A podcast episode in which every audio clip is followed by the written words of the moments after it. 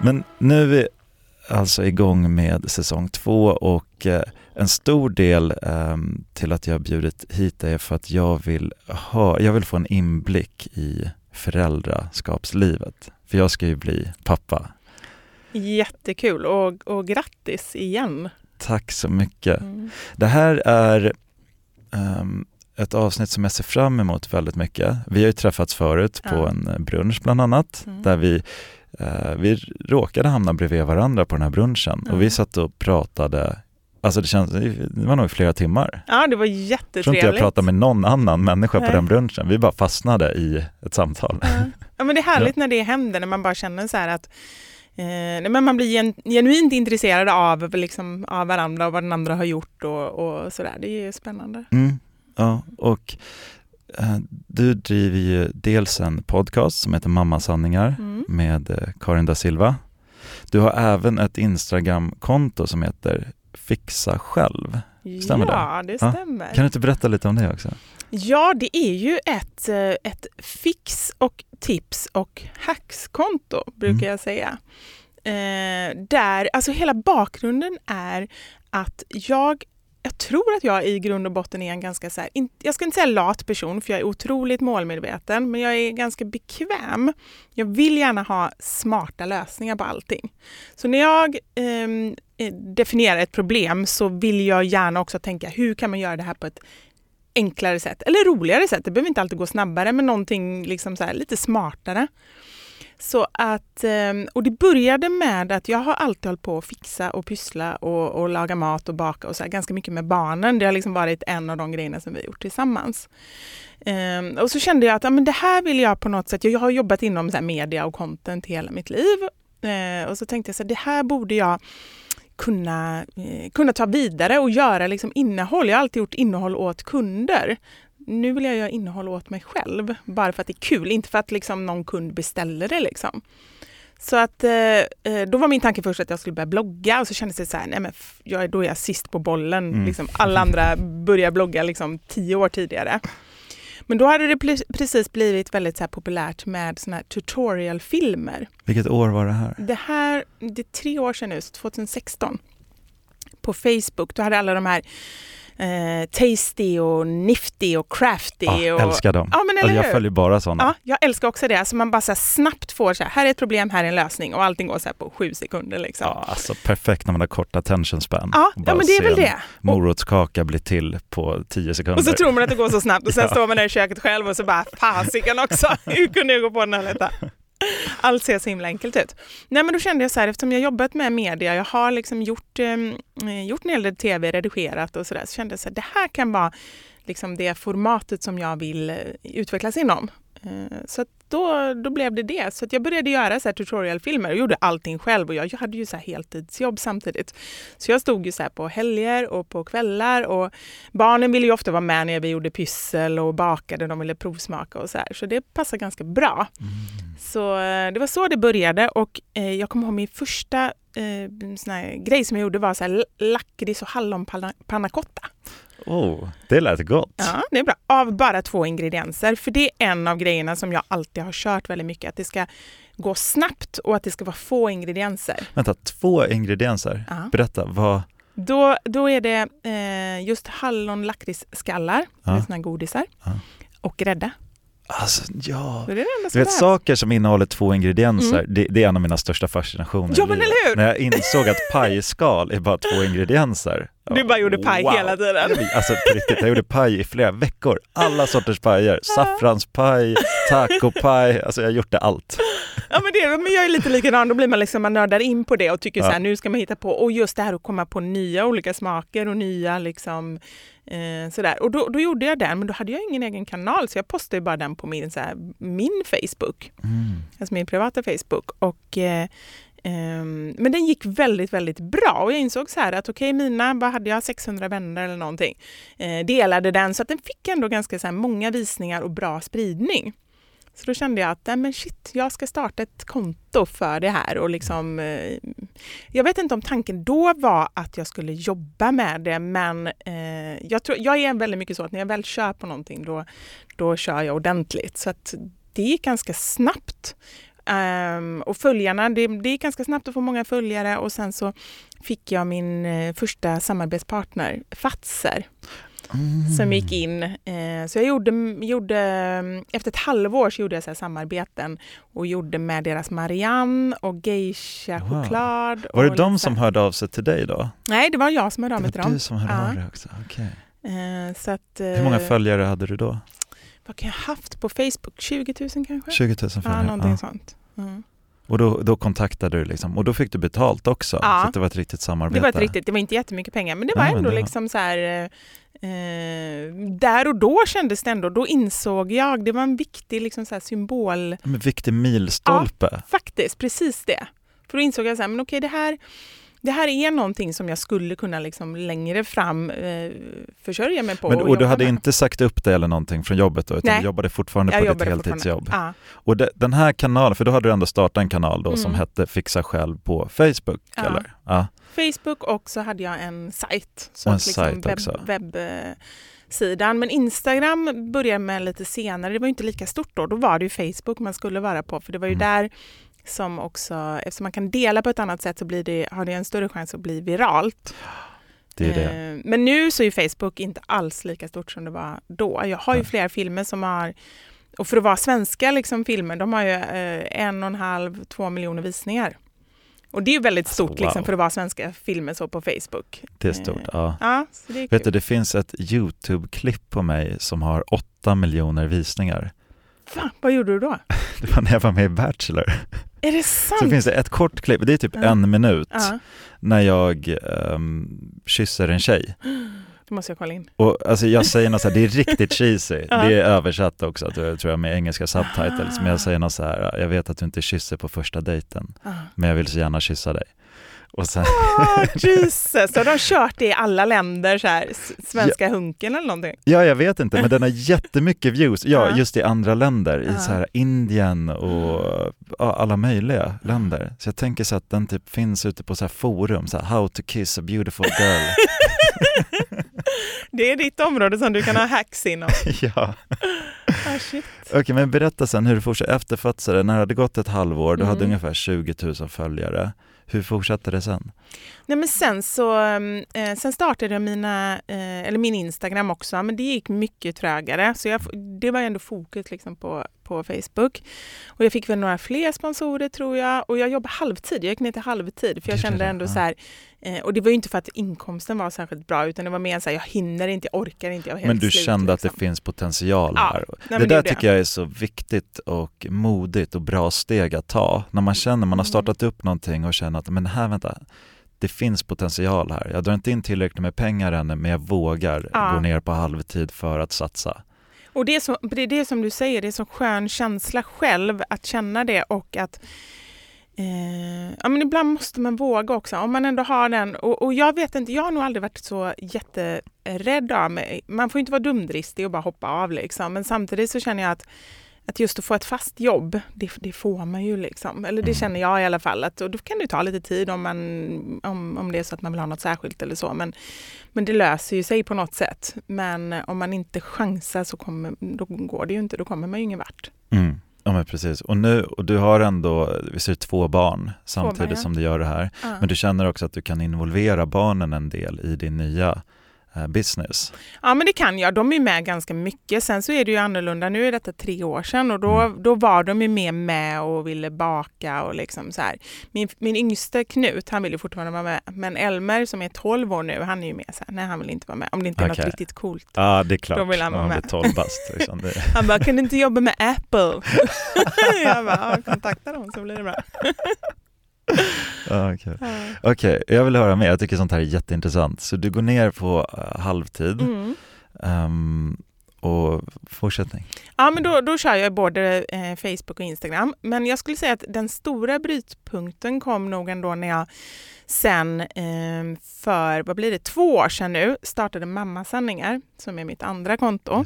Som verkligen från början var mer, eh, jag hade inga tankar på att det skulle bli något stort, utan det var mer för att jag själv kände eh, att jag, jag var så jäkla trött på, jag, tyckte, jag tycker att mammalivet kan vara väldigt eh, tillrättalagt och väldigt mycket pekpinnar och jag tyckte att och framförallt Instagram var så himla fint. Det var ju bara barn med matchade kläder och liksom fina filter och stilleben och så. Jag bara kände så här, det kanske var för att jag höll på att baka och grejer, för så var det verkligen inte hemma hos mig. Det var bara kaos överallt. Eh, och så hade jag fått en, några kängor från folk i min närhet. Alltså egentligen kanske inte något jätteallvarligt, men jag kände ändå så att man är så utsatt som, som mamma, eller som förälder överhuvudtaget. Men jag tror kanske mammorna råkar liksom extra illa ut.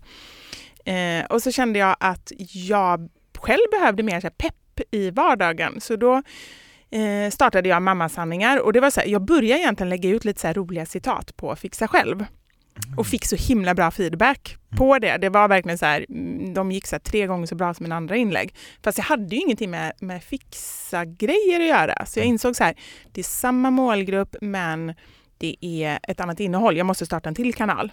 Men jag gör det vid sidan om bara för att det är kul. Liksom. Så att då, då liksom la jag upp och fixade själv och sa att nu har jag startat ett nytt konto, Mammasanningar, för er som bara vill liksom, eh, se mammalivet som det är och, och är trött på pekpinnar och mer vill kunna skoja om saker och ting. Eh, och så började folk komma från Fixa själv då eftersom jag puffar för det där. Mm. Eh, och sen så växte det väldigt, väldigt snabbt. På typ tre månader, nej kanske ett halvår så hade det gått om Fixa själv i, wow. i liksom följare. Eh, så, och nu har jag 150 000 följare. Jag så det, det är helt otroligt. Ja, det är jätte... Ja, för mig är det ju så här bara shit, hur gick det här till?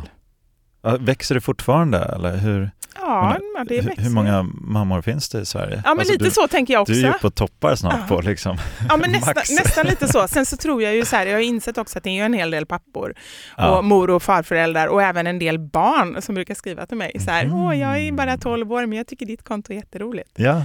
Eh, så det är kul, för att ibland har jag ändå tänkt så här liksom att, för visst, jag skojar ju om, liksom, jag, jag skojar om hur det är att ha barn och jag driver lite med oss mammor och sådär, men eh, jag har tänkt lite så här, men barn kanske tycker att, eller jag vet inte, jag har nog inte tänkt, tänkt att det är så här, eh, är roligt för barn, men det är lite det är äldre barn kanske. Ja. Alltså, kommer du på alla, för jag följer dig, jag har mm. gjort det sen vi åt brunch där, jag vet inte hur länge sen det är, hur länge jag följt den? Är det ett det år? Bo, halvår? Våras, ja, våras, just det, ett halvår.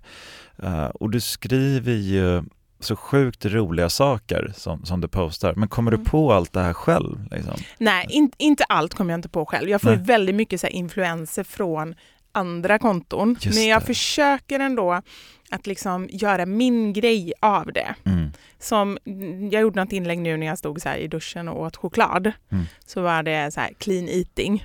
Ja just det, jag såg det. Ja. Ehm, och då, jag, hade lä- jag hade sett någon post som var någon sån grej, liksom. men det var bara någon, någon som hade skrivit någonting tror jag. Men då, då tog jag vidare, hur kan jag göra det på mitt sätt? Mm. Så det är inte så att jag är någon sån här eh, komisk guru, eller vad man ska säga, som bara kommer på allt själv. Fast det tror jag ingen, alltså ingen komiker kommer på allt material själv. Nej, De får ju alltid så.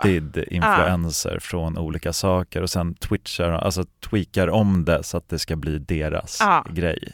Det är så det fungerar. Ja men det är skönt att höra, för ibland kan jag känna så här, men tar jag för mycket från andra? Men jag försöker inte liksom så här, ta saker rakt av, mm. men eh, göra min grej av det. Liksom. Mm, mm. Jag, jag, jag, blir, jag blir så fascinerad hur du bara kan leverera dag ut och dag in hela tiden. Jag tycker det är skithäftigt. Tack så mycket. Ska, alltså det märks ju verkligen att du har jobbat med content Innan. Ja men det kanske det gör och det, och det vore ju nästan tråkigt om, eftersom det är ju liksom så hela mitt yrkesliv. Först jobbade jag med tv och sen med PR och sen så har jag jobbat liksom på en av eh, Nordens största content marketingbyråer och gjort mm. den här typen av innehåll liksom för kunders räkning. Eh, så, så det är klart att lite, jag tänker ju inte på det själv men det är klart att jag har ju med mig från från mm. det också. Det tror jag är en sån otroligt bra bakgrund. Alltså mm. om någon funderar på så här, vad ska jag plugga eller vad ska jag lära mig som jag får stor användning för? Mm. Alltså content, marketing, PR, hela den grejen. Absolut. Man, här, alltså man kan starta upp vad som helst man kommer på, ja. då vet man säkert att jag kommer kunna liksom få ut det här. Ja. Jag håller helt med. Det och sälj skulle jag säga är sälj. de två liksom grundstenarna. Och när man tänker sälj, jag tycker det är lite intressant med sälj för mm. att jag säljer ju de, de flesta grejerna eller samarbeten som jag gör säljer jag själv. Nu när jag har ändå så pass många följare så får jag ganska mycket förfrågningar. Men innan dess, då var det verkligen bara jag som hittade roliga grejer själv och ringde upp och bara det här skulle jag vilja göra, jag har en idé och liksom sådär. Fan vad häftigt. Alltså det är så här, det där, jag, jag har en bakgrund som säljare ändå. Ja, Alltså, du har det? Ja, jag har Ja. jobbat som säljare, men från att jag var typ 19 till eh, tills jag startade mitt första företag vid 22. Ja. Så Ja, det är många duktiga entreprenörer som, som har den bakgrunden. Ja, men jag tror att det är viktigt. Ja. Men på något sätt, nu var det så, jag startade mitt första företag där vid 22-23. Nu var det ändå över tio år sedan Eh, och på något sätt har jag liksom tappat säljet mer och mer. Mm. känner jag. Jag var mycket mer hungrigare på sälj i början. Ja. Men nu börjar jag istället rikta om så mycket till mer till content Mm. och liksom marknadsföring och mer den biten. Men jag känner att jag halkar efter nu i säljet. Men tror du inte så här att när du har någonting som du själv känner så här eh, det här brinner jag för, det här vill jag få ut, det här tycker jag är skitbra. Mm. Tror du inte då att liksom säljet kommer lite på köpet? Ja, kanske. Men jag tror ändå så här att man måste kunna motivera sig själv ganska hårt till Mm. att förut har jag ju haft eh, pengar mer som drivkraft, Mm. eh, men vilket inte är samma drivkraft längre, Mm. utan nu är det mer skapandet som har jag drivkraften. Ja. Och då har det mer varit så här, äh, typ som den här podden, jag tjänar Ja. inga pengar på den utan jag gör det bara för att jag gill, tycker det är kul. Ehm, samtidigt så alltså är det så här, fan jag borde ju tjäna pengar på den för att jag lägger ner ganska mycket tid. Ja. Och skulle jag bara göra några samtal, dra några mejl Mm. så skulle jag även kunna tjäna pengar och ha kul. ja, jag fattar vad du menar. Och det skulle bli så mycket bättre. Ja. Men vad är det som hindrar det då? Ja, det, och det är det jag sitter och frågar mig själv också nu. Men jag Ja. blir ju inspirerad av att höra dig när jag känner så här, men fan, jag kanske också bara borde, men om jag sätter mig imorgon och drar några samtal och några mejl. Ja, för det tror jag verkligen just det här att hitta Eh, jag tycker ju personligen att det är mycket lättare när det är väldigt tydligt vem som är liksom, eh, kunden eller vem man vill jobba med. Och för mig har det varit så, jag kan mm, ta ett exempel att jag eh, stod hemma i köket eh, och höll på att baka med barnen och bara insåg så här, du vet, höll på med så här chokladbollar och kladdkaka och jag bara, men det här måste man kunna göra enklare. Hålla på med så här nio ingredienser, det här måste man ju kunna göra med många färre ingredienser. Så jag började testa att baka med O'boy och insåg att Mm. O'boy ersätter ju eh, kakao och socker och vaniljsocker. Mm. Och helt plötsligt så är det mycket, mycket enklare att baka.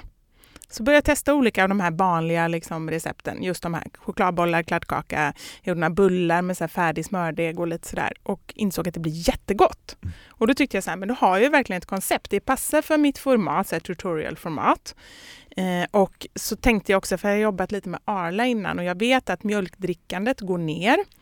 Och då, då borde ju liksom O'boy-drickandet också gå ner. Och jag vet ju själv hur jag som mamma tänker att när jag var liten, jag tror att jag varje dag när jag kom hem från skolan så här, drack O'boy och limpmacka liksom. Det skulle inte mina barn få göra. Så att det måste ju så här gå ner, var ju min slutsats. Liksom.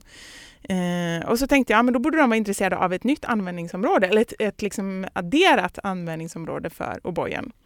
Så att jag bara ringde dem och jag har ändå jobbat på contentbyrå innan och aldrig fått till så här direktmöte med kund på det sättet. Och jag fick ju träffa, hon bara, ah, men kan vi ses imorgon?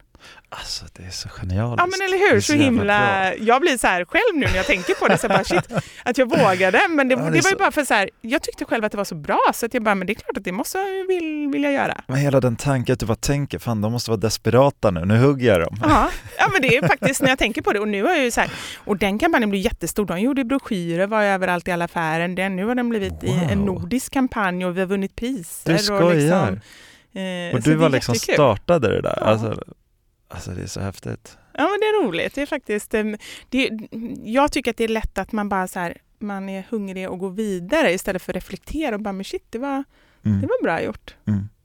Du, du säljer ju också, eh, vad säger man, merchandise? Mm. Eller hur? Ja, men det gör jag. Ja. Ja. Berätta om hela den businessen då. Nu är vi inne på mycket business, Ja, men det är mycket business. Ja. Eh, men även där var det så här att, att ehm, det var faktiskt, drivkraften var ju inte pengar. Nej. Utan det var ju mer så här, men jag ville ha eh, budskap som jag kunde förmedla på ett enkelt sätt. Och då tycker jag så här att istället för att bara så här skriva ut i text, att det är ganska smart att ha liksom prylar, muggar och t-shirtar och sånt där. Eh, så det var så det började. Jag tog in väldigt, alltså så här, jag har ju köpt allting i tillverkat i Sverige, så det är inga så här massimporter från Kina med, med höga marginaler eller så. Så jag kan inte säga att jag tjänar jättemycket pengar på det. Men, eh, utan det var mer för att jag tyckte att det var så här också ett bra sätt att marknadsföra. Eh, Så att det. det var mer den delen Mm. i, i det hela. Och sen, så här, sen känner jag att jag har lärt mig ganska mycket om e-handel. Eh, på köpet och är ju supersugen nu på att hitta någon riktigt bra smart produkt mot mammor liksom, eller så för barn. Eh, de produkterna jag tagit in hittills har ju varit liksom roliga saker för mammor, mer så här nice to have, inget så här need to have. Just det. Men man skulle vilja hitta någonting som är så bara shit, det här vill man verkligen ha. För jag vet hur, när man väl får barn så blir man ju otroligt så här, är det någonting man vill ha, då, då köper man ju det liksom. Mm.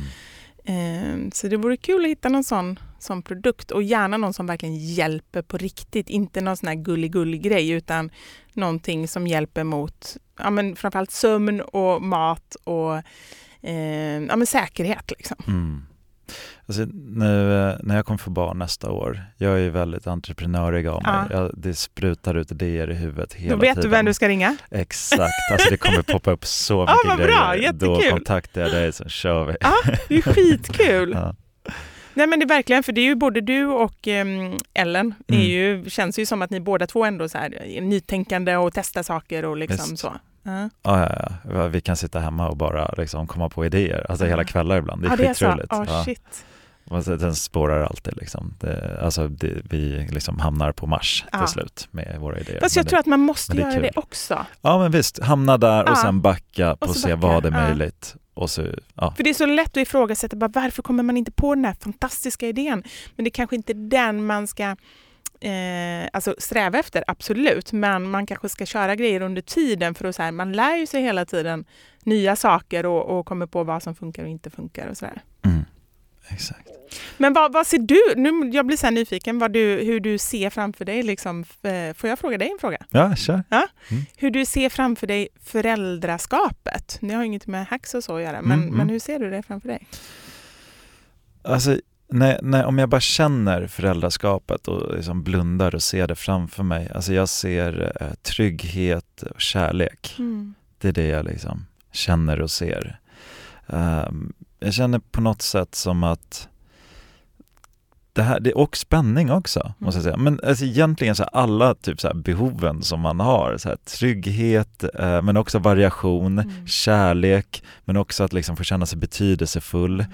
utveckling och också liksom bara kunna ge, bidra. Så att jag, det på något sätt känns det som att så barn, jag har väl haft barn ganska länge ändå. För mig har det bara handlat om att vänta in ja, men dels rätt tjej ja. och, och, och, rätt tid. Ja. Liksom.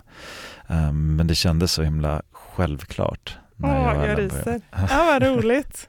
så, och Ellen är likadan, hon ser också fram emot det så himla mycket. Mm. Så, att, så vi har aldrig haft det så bra mm. i vårt eh, förhållande som nu. När båda bara ser fram emot mm. någonting så mycket. Uh, så att jag, så jag tror att Ellen kommer bli världens bästa mamma. Mm. Och, och, jag tror jag kommer bli en ganska bra pappa också. Världens bästa såklart. ja, såklart. Mm. Um, men sen, samtidigt så är det ju mycket, så här, man undrar mycket så här, hur kommer liksom livet uh, förändras? Men jag tänker inte egentligen för mycket framåt vad som kommer hända utan i mitt huvud så är det bara så här lite rosa moln. Mm. Men jag inser att det kommer inte bara vara rosa moln. Nej. Så det kan nog vara bra ändå att få lite så här äh, världsrealitet, man säger av mammasanningar. Berätta sanningen för ja, mannen i rosa moln här. Sen kommer det efteråt bara, nej, vad har jag gett mig in på? Exakt. Nej. Nej men det är ju det är precis det du säger, det är ju så himla fantastiskt. Alltså det är ju någon sån övergripande känsla såklart som inte ens går att förklara och som, som är på ett, ett annat plan. Mm. Eh, men eh, min första tid som mamma var ganska tuff. Mm. Eh, jag hade nog också de tankarna som du säger, men mm, och som kvinna så har man ju så mycket hormoner också och det är så mycket som händer som man inte ens kan styra över. Men jag och mitt ex, vi Eh, jag tror att detta har med saken att göra. Vi är båda ensambarn. Mm. Ganska vana vid att bestämma själva och styra våra egna liv. Och, liksom så här. och Det funkar superbra när man är två in, liksom individer i en relation. Men när man sen får, får liksom en liten bebis som behöver en hela tiden och ehm, eh, som behöver ha det på ett visst sätt och som man inte riktigt har... Ja, det är det! Nu kommer jag på det. Som man inte riktigt har koll på. Man har, kan ju aldrig ha kontroll över hur det ska vara. Um, och det, tror jag var, det tyckte jag var jobbigt, att inte veta hur mycket man får sova på natten, inte veta Uh, han, han, tyck, han gillar inte att äta och det blev en jättestress hos mig att inte liksom så här, uh, kom, får han i sig tillräckligt med mat, hur ska vi göra? Och liksom så här. så jag, jag tyckte att den biten var väldigt tuff. Mm. Eh, och just att det ändras hela tiden också, att, att när man tycker så här yes, apropå hacks, liksom, mm. jag som då ska komma på olika lösningar och så kommer jag på någonting och bara yes, nu har jag liksom knäckt det här. Mm. Och så bara gå nästa dag så bara funkar inte det. Ah. För då har han ändrat sig eller liksom, han blir äldre och tiden går och ah. sådär. Eh, och det tyckte jag var frustrerande. Så jag tror att om jag mer hade varit så här att, eh, jag tror en sak som hade hjälpt mig jättemycket och, och jag förstår, jag tror inte man kan säga det till någon annan utan det är någonting som man kanske måste bara lära sig med tiden, men just att allt är en fas, allt går över. Mm. Eh, hade, jag nog, hade jag fått in det mer, då tror jag att jag hade varit lugnare när det varit jobbigare perioder och också kunnat njuta mer av, av liksom, för han är bara två månader liksom, nu. Ja. Det där, men det där du sa, där, alltså, allt går över, det är mm. en av så här, jag tror att det är buddhismens liksom, största visdomsord, ja. så här, this too shall pass. Just det. Att, men känner, lever ni mycket så? Alltså är, för det känns som att du ändå är ganska mycket så här meditation här och nu, mm, eller? Ja, men jag mediterar varje dag uh. och eh, på något sätt före, och det här, jag har varit väldigt, vad ska man säga, velat kontrollera mitt liv mm. och eh, eh, hålla koll på saker, vad som sker. Alltså jag blivit kallad liksom mannen, mannen med en plan av mina kompisar. För jag har alltid haft en plan framåt, liksom. struktur och hur det ska gå till och så här. Men jag ska nå dit och alltid mål. Och... Så jag har märkt att det kommer mycket svårigheter med det mm. i en värld som är kaos. Mm. Att försöka liksom ha en plan mm. hela tiden som konstant ändrar sig mm. när världen liksom, den går inte som man vill. Mm. Det blir väldigt frustrerande. Mm. Så jag har bytt helt uh, synsätt på, alltså, eller strategi kan man säga. Jag är mer så här, ha ingen plan. Mm. Bara förbered dig för att det kommer vara kaos och ta allting när det kommer med närvaro. Jag tror att det är absolut bästa sättet om man klarar det när man får barn. Jag tror mm. att det, då har man kommit långt. Ja, och jag övar på det fortfarande varje mm. dag, men det, jag blir bättre och bättre på det. Att så här, katastroftänk aldrig. Mm. Tänk inte så här, men tänk om det händer. Mm. Nej, alltså mm. man har ingen aning för att de sakerna som händer som man verkligen inte vill ska hända, mm. de kommer man inte ens ha tänkt på, Nej. de värsta grejerna. Så det är ingen idé, liksom, gå runt och katastroftänka. Utan bara vara mer så närvarande, vara mer i nuet, mm. Ta alla problemen som när de kommer. Då blir det mycket spännande också, det blir mm. mer eh, Och då tror jag verkligen så att en, en bebis kan ju vara värsta läromästaren. Oh, alltså jag tror det. Ja, om, om, man, för, om man försöker se det så. Jag önskar ibland kunna så spela, spola tillbaka tiden och bara så här, och, och, det som jag ändå inser, de här grejerna som jag inser nu, försöka applicera det på den tiden. För jag tror att då hade jag tagit det på ett annat sätt och varit mycket lugnare. Mm.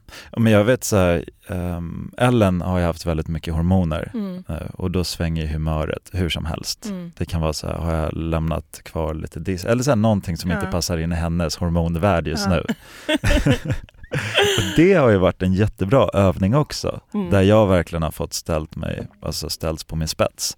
För att jag kan vara ganska ska man säga, båda vi är liksom också storesyskon mm. och eh, kan vara eh, ganska mycket att man vill um, bestämma mm. lite grann. Mm. Uh, men där har jag också liksom verkligen lärt mig att så här, vad fan, Ellen är gravid, hon går först. Ja. Det spelar ingen roll. Ja, så här, behöver hon äta så ska hon få äta. Ja. Här, jag... ja men det är bra att du ändå liksom så här, eh, ja men dels att du förstår det men också ett bra sätt att, att öva själv. Ja men exakt, och bara inse, alltså egentligen släppa sitt ego, mm. backa och bara förstå att så här, vänta, det är ett barn som ska till världen, Ellen gör ett jättejobb just mm. nu. Hon mår illa varje morgon. Mm. Jag ska göra allt jag kan för att hjälpa och stötta henne. Mm. Hon får bli hur arg hon vill. Och när jag så här, i början, om jag mötte hennes ilska mm. med liksom irritation eller någonting, då bara förvärrades allting ja. och blev, alltså eskalerade. Nu istället så här, låt, henne, låt henne vara arg, gå fram och bara så här, jag försöker inte lösa något, jag Nej. går fram och bara kramar om henne och bara, jag förstår. Ja. Jag behöver inte ens säga jag förstår, jag Nej. bara går fram och kramar om henne och så bara vuff, försvinner hela hennes ilska ja. och allting är bra direkt. Då kan vi lösa problem på fem sekunder. Ett poddtips från Podplay.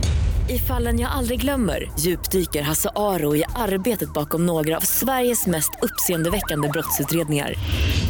Går vi in med hemlig telefonavlyssning och, och då upplever vi att vi får en total förändring av hans beteende. Vad är det som händer nu? Vem är det som läcker? Och så säger han att jag är kriminell, jag har varit kriminell i hela mitt liv men att mörda ett barn, där går min gräns. Nya säsongen av Fallen jag aldrig glömmer på Podplay.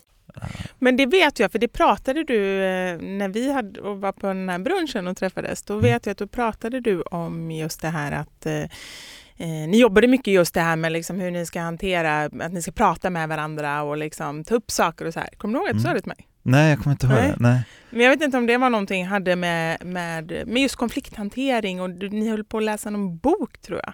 Mm, ja, det kanske vi gjorde. Ehm, ja, men vi hade nog kanske läst någon bok. Ja. Om det var, vad heter nu den? Eh, Hemligheten kanske? Av Dan Ja! Olofsson. Ja, men det tror jag att det var. Ja. Som ja. handlar om um, vad heter anknytningsteorier. Ja. Det, det, den är jättebra, den kan jag rekommendera alla. Den rekommenderar min terapeut mig nu. Ja, gjorde? Ja. Ja!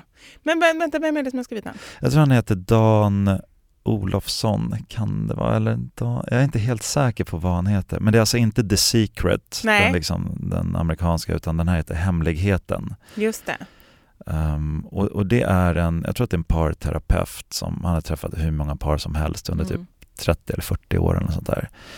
Eh, och eh, beskriver egentligen anknytningsteorier och på samma sätt som man knöt an till sina föräldrar när man var barn, på Mm. samma sätt kan man knyta an till sin partner. Mm. Så om man var otrygg, Mm. ehm, ambivalent eller eh, vad heter det andra? Eller undvikande, Mm. då, kan man kunna, då kan man bli det mot sin partner också. Mm. Och både jag och Ellen är eh, otrygga Mm. i vår liksom, uppväxt i grund och botten. Mm. Och det gör så att man kan få liksom, stöta på problem i förhållanden. Ehm, men det, vilket går att lösa, man kan bli trygg. Ja. Och efter jag läste den, det var ändå ett och ett halvt år sedan jag läste den och jobbat mycket med mig själv sedan dess och jag känner att jag har kommit till en plats där jag är trygg nu. Ja. Eh, och det är en otrolig alltså, känsla inombords att känna trygghet Mm. i alltså, relationer till andra människor. Ja. men den ska jag absolut, nu har det kommit till mig två gånger, den Mm. ska jag absolut läsa. Och just känna det också, att, för det är ju lätt om man själv har en otrygghet i sig, att man tänker att nej, men det är så det är. Det är Mm. sån jag är. Ja, Men att man verkligen så här, det går att förändra och man kan komma till en, till en annan plats. Exakt. Och sen tror inte jag alla är medvetna om att man är otrygg eller att man har en otrygg anknytning. Nej, men det tror inte jag heller. Nej, för Nej. att det är första steget, att bara bli medveten. Ja. Och han tar upp jättemånga olika exempel på vad en otrygg anknytning innebär. Mm. Ehm, och, och då kan så här, poletten trilla ner och man bara okej, fan, jag är nog kanske lite otrygg. Mm. Ehm, och, det, och det går att lösa. Ja. Det krävs alltså en del jobb och tid, men, Mm. men den tycker jag verkligen du ska läsa. ja, men ska Men jag göra. tycker man ska läsa den även om man är en trygg person. Ja. Eh, och så här, eh, så man måste ta det rätt också, så här, alla, alla kanske är trygga, liksom, utan det handlar om trygg och otrygg anknytning. Mm. Eh, det handlar inte om man är trygg som person, utan det är lite djupare än Mm. så, eller lite mer komplext än så. Men oavsett om man har en trygg anknytning, så tycker jag man ska läsa den här boken för att förstå, få förståelse för Mm. andra. Eh, kanske sin partner. Ah. Eller så.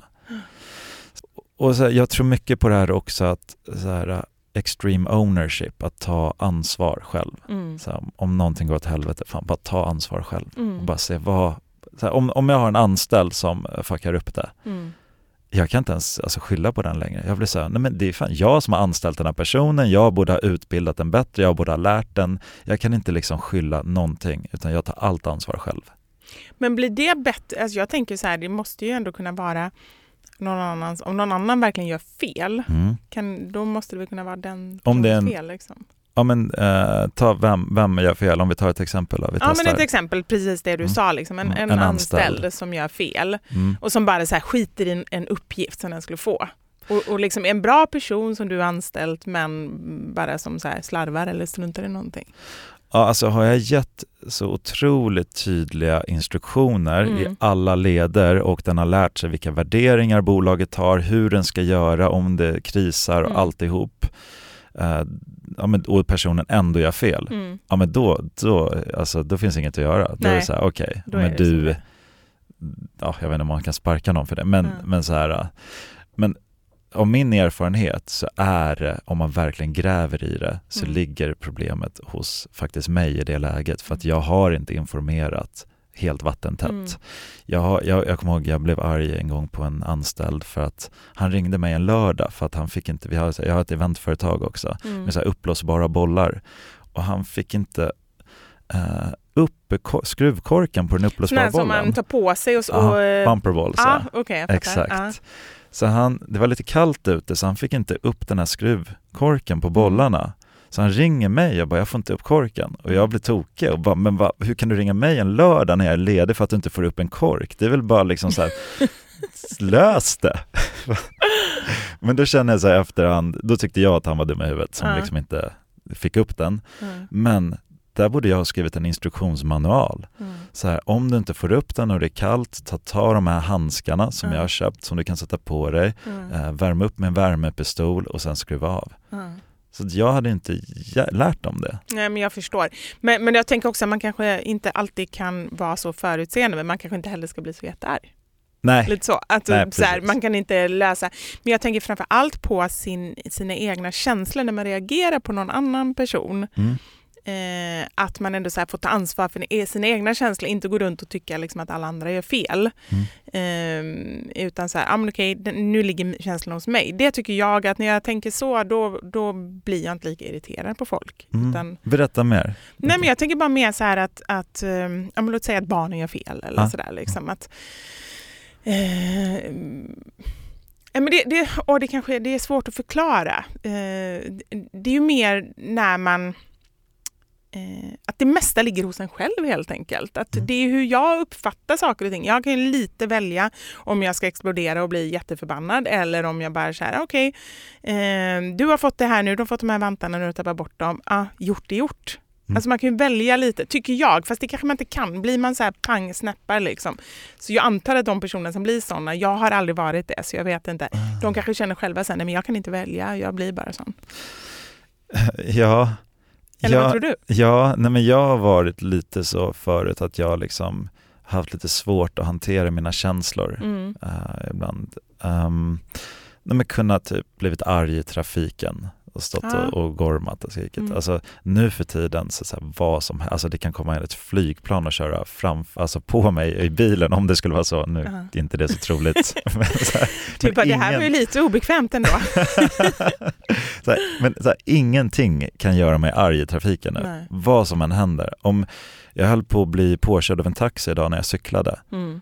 Alltså jag får upp noll arg känsla i Mm. kroppen. I, förut, jag hade cyklat ifatt den här taxichauffören och sparkat på bilen. alltså jag var, Fast då måste du, alltså på riktigt, du måste jobbat jättemycket med dig själv. Är det det här eh, liksom, meditationen och så, eller vad skulle du säga själv? ja, alltså bli medveten, eh, förstå att det inte är rätt lösning att bli arg på taxibilen. Mm. Eh, och händelser där jag bara fått reflekterat efteråt. Bara, hur kunde jag lösa det här på ett bättre sätt? Mm, det. Var det bästa verkligen att försöka starta ett bråk? Mm.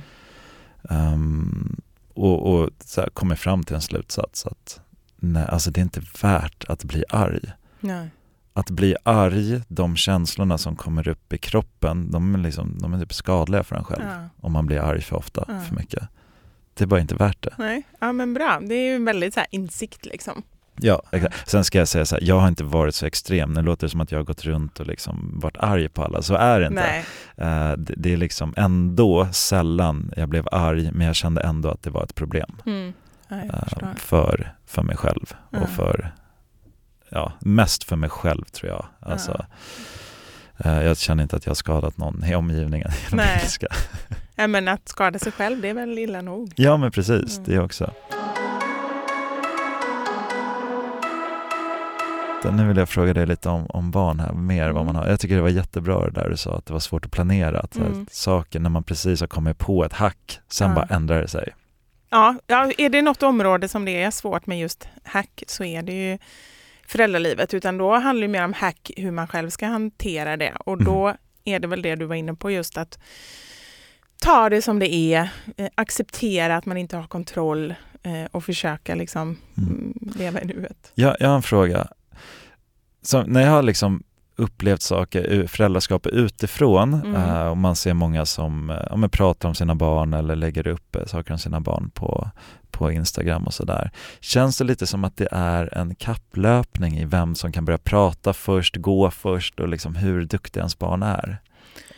Det har inte jag känt så mycket, men Nej. jag vet att många tycker det. Eh, och att många tycker att det är jobbigt. Men det kanske är också om man känner att ens barn är lite sen. Alltså inom något område så är det ju nästan alltid så att, att barnet är lite eh, senare än liksom medel. Men sen har de ofta ganska stora spann. Till exempel börjar gå, nu kan inte jag det utan till, men låt säga att det är så här 9 månader till eh, 21 månader kanske, som ändå är normalt. Mm. Eh, men att man ändå vill att det ska vara ganska tidigt. Mm. Men... eh, Var, var du så här äh, typ tävlingsinriktad i det? Bara så, mitt barn ska börja gå Nej, fort som fan. nu faktiskt inte. Nej. Förutom kinesiskan. Lära Va, sig. vad sa du? Ah. Du bara, va? jag bara, va? Nej, jag skojar. Nej, men jag, just den grejen har jag inte varit tävlingsinriktad. För jag har ändå känt så här att, ehm, att jag varit i, liksom så här, ja, men i normalspannet. Mm. Ehm, däremot så har jag varit frustrerad när saker och ting inte har funkat. Men det har jag ju med, inte för att tävla, men utan mer så för att jag mm, har velat att han ska äta mat till exempel. Liksom. Mm. Eh, nej, men så det upplever jag inte. Känner du att du tror att du kommer bli sån? Nej, alltså jag så hade du frågat mig för två år sedan så Oh ja, alltså Mhm. så för två, bara för två, tre år sedan då hade Mm. jag varit så här, äh, jag var mycket mer liksom tävlingsinriktad Mm. genom allt. Men Mm. jag tror att jag bara helt enkelt hade ett större ego Ja. eller liksom behov av att um, synas, status, Mm. sådana grejer. Där det säkert, och jag är glad att jag inte fick barn då för Ja. två, tre år sedan för att jag tror att det hade smittat av sig mycket på att så här, nu jävlar, nu ska vi, fan nu ska bli nya Zlatan liksom. Men det, precis, för det tror jag verkligen att ändå, eh, det är nog väldigt vanligt och att många barn upplever det också.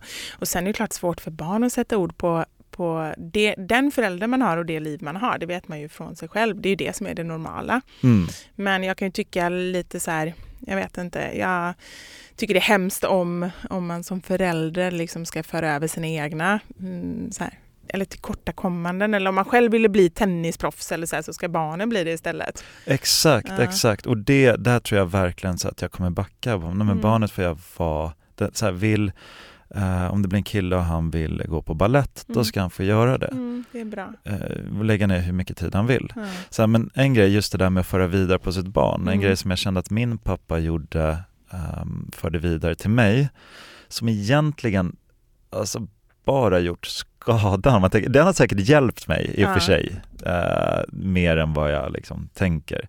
Men det är rädslor. Jaha, på vilket sätt? En grej som han har eh, fått mig att bli rädd för, det är att få saker i ögonen. Jaha. Så här, eh, du vet, grenar i ögonen, Ja. eller du vet, att bli blind. Ja.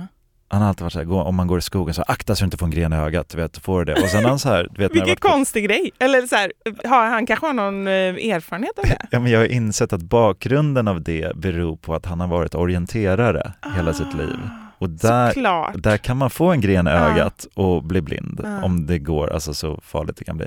Men han varnar mig så mycket, han visar till och med liksom bilder på någon med porslinsöga och bara, så där går det, då Mm. får du ett porslinsöga. Oj, det har jag gjort för mina barn. Har du gjort det? Ja. Ja. Nej, men det Nej men det var mer, men gud vad hemskt. Alltså, jag tror inte de bryr sig ett dugg om det. Men tror du inte att det är också så här, för jag vet ju att vissa saker som jag tänker på från min barndom, att det är lite vilken fas man är i själv och vissa saker som någon säger kan man bara säga, äh, men det skiter väl jag i. Och Mm. andra saker fastnar om man själv är liksom på eh, kanske lite osäker under den perioden. Jag vet att mina barn har haft perioder där de, ingen av dem har varit så här maniskt rädd för någonting så här, eh, under en lång tid. Men däremot har de haft sina perioder. En krigsperiod, då har väl de, när de har varit lite osäkra kanske, hört någonting om någon bomb eller någon har berättat något i skolan eller sådär. Och då har det varit så här liksom två veckor som de knappt kan sova för att de tror att nu kommer kriget. Och jag bara, men gud var har de fått det ifrån? Mm.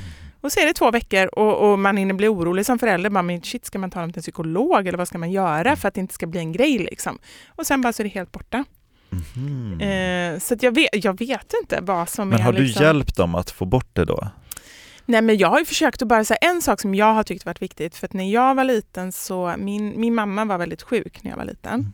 Hon fick en hjärntumör när jag föddes.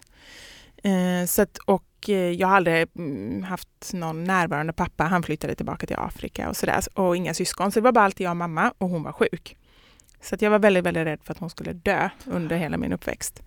Eh, så att hela den grejen har ju påverkat mig jättemycket under hela mitt liv. Att jag har liksom varit orolig för henne. Eh, och jag tror inte att hon förstod hur orolig jag var. Hon var med sig, ja, ja, ja, jag andas. För jag låg, jag kunde vakna så tio gånger per natt och bara, mamma andas du, mamma andas du.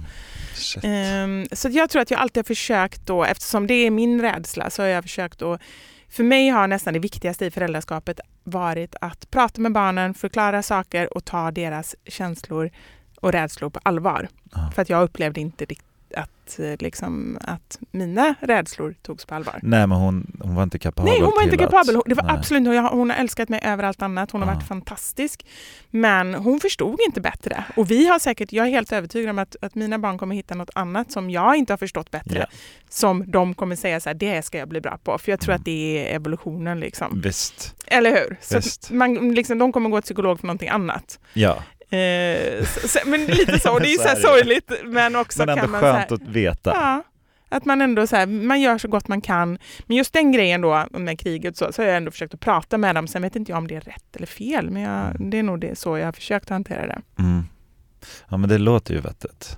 Alltså, ja. bara, alltså egentligen bara vara liksom närvarande och känna efter ja. hur barnen eh, reagerar olika saker.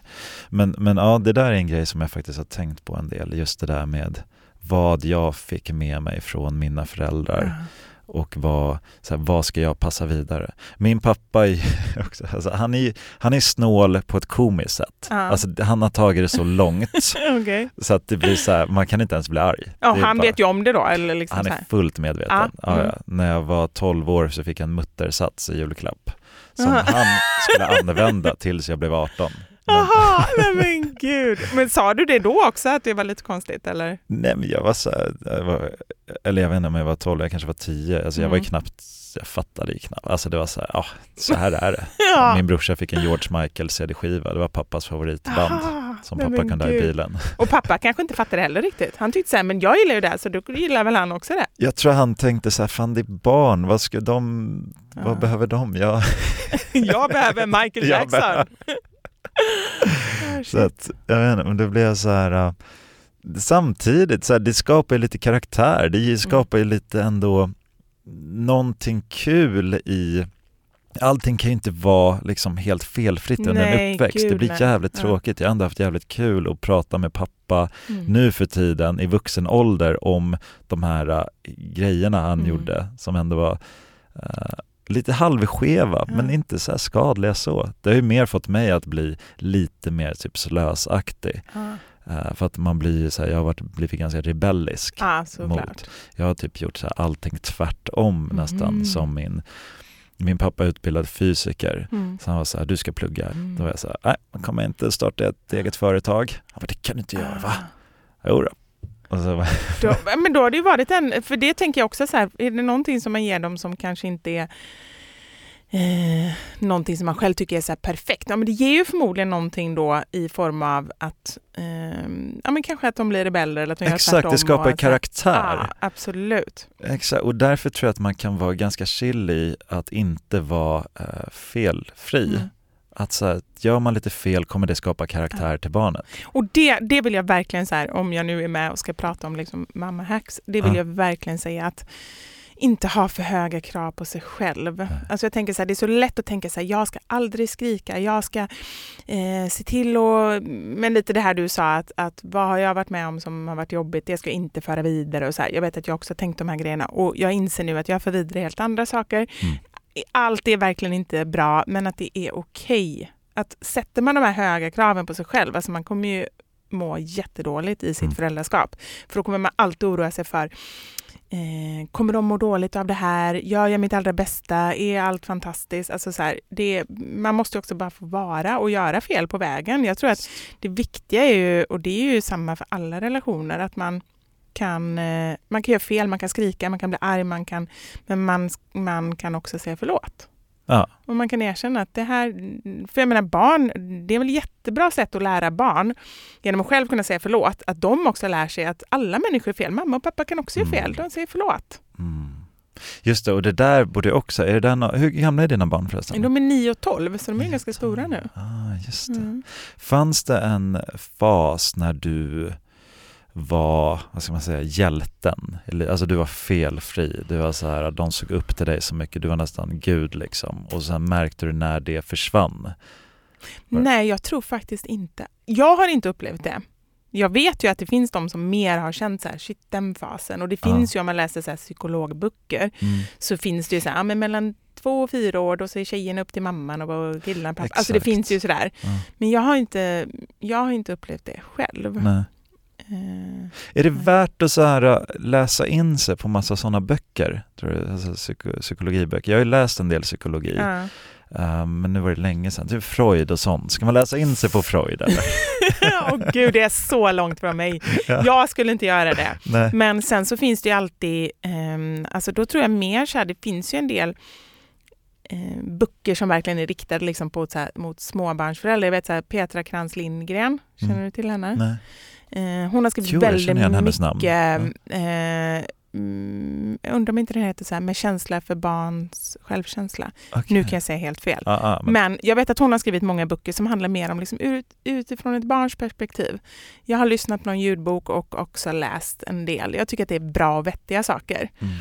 Mm, så att mer den typen av böcker tycker jag i så fall. Ja. Inte så här jättetunga grejer, eller det skulle Nej. jag aldrig göra i alla fall. Eh, men, men det beror, alltså jag tycker så här, alla får göra som de vill. Det är Ja. så min paroll i, i, i hela livet överhuvudtaget, men väldigt mycket i föräldraskapet. Att liksom alla är föräldrar på sitt sätt och att man gör, mm, liksom, du kommer vara den bästa pappan till ditt barn. Ja. Ja, och jag gillar det. Alltså det, det var därför jag också ville ha med det mycket, för jag gillar din, eh, men ditt budskap som du har med mammasanningar och, och Mm. föräldraskap.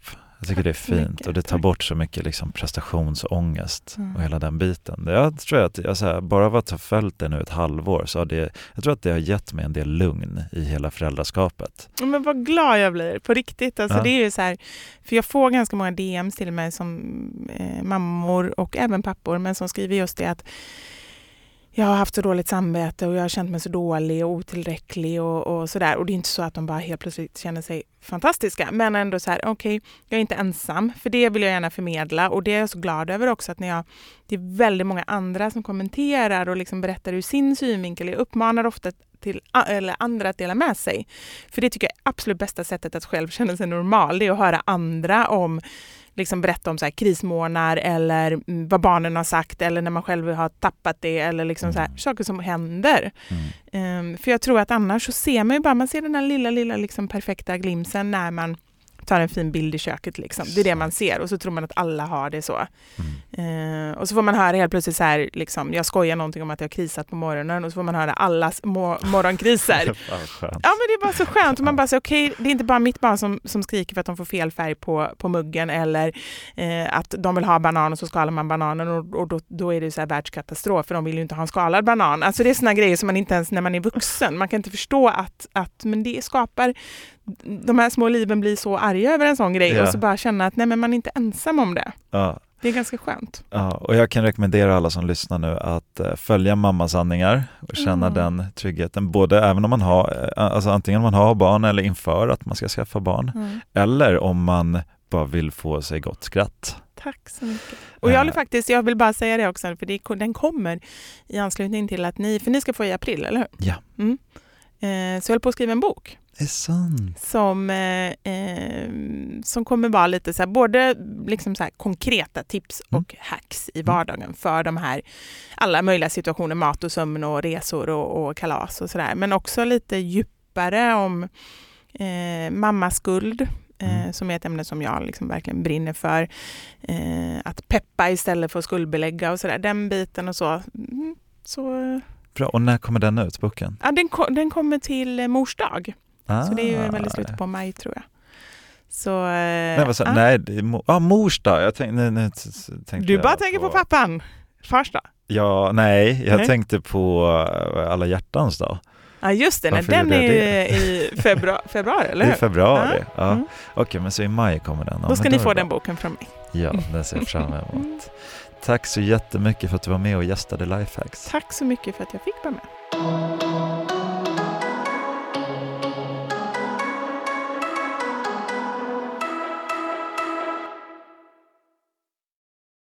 you poddtips från Podplay.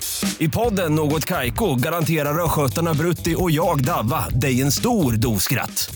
Där följer jag pladask för köttätandet igen. Man är lite som en jävla vampyr. Man har fått lite blodsmak och då måste man ha mer. Udda spaningar, fängslande anekdoter och en och annan arg rant. Jag måste ha mitt kaffe på morgonen för annars är jag ingen trevlig människa. Då är du ingen trevlig människa, punkt. Något Kaiko, hör du på Podplay. Därför är gardinerna.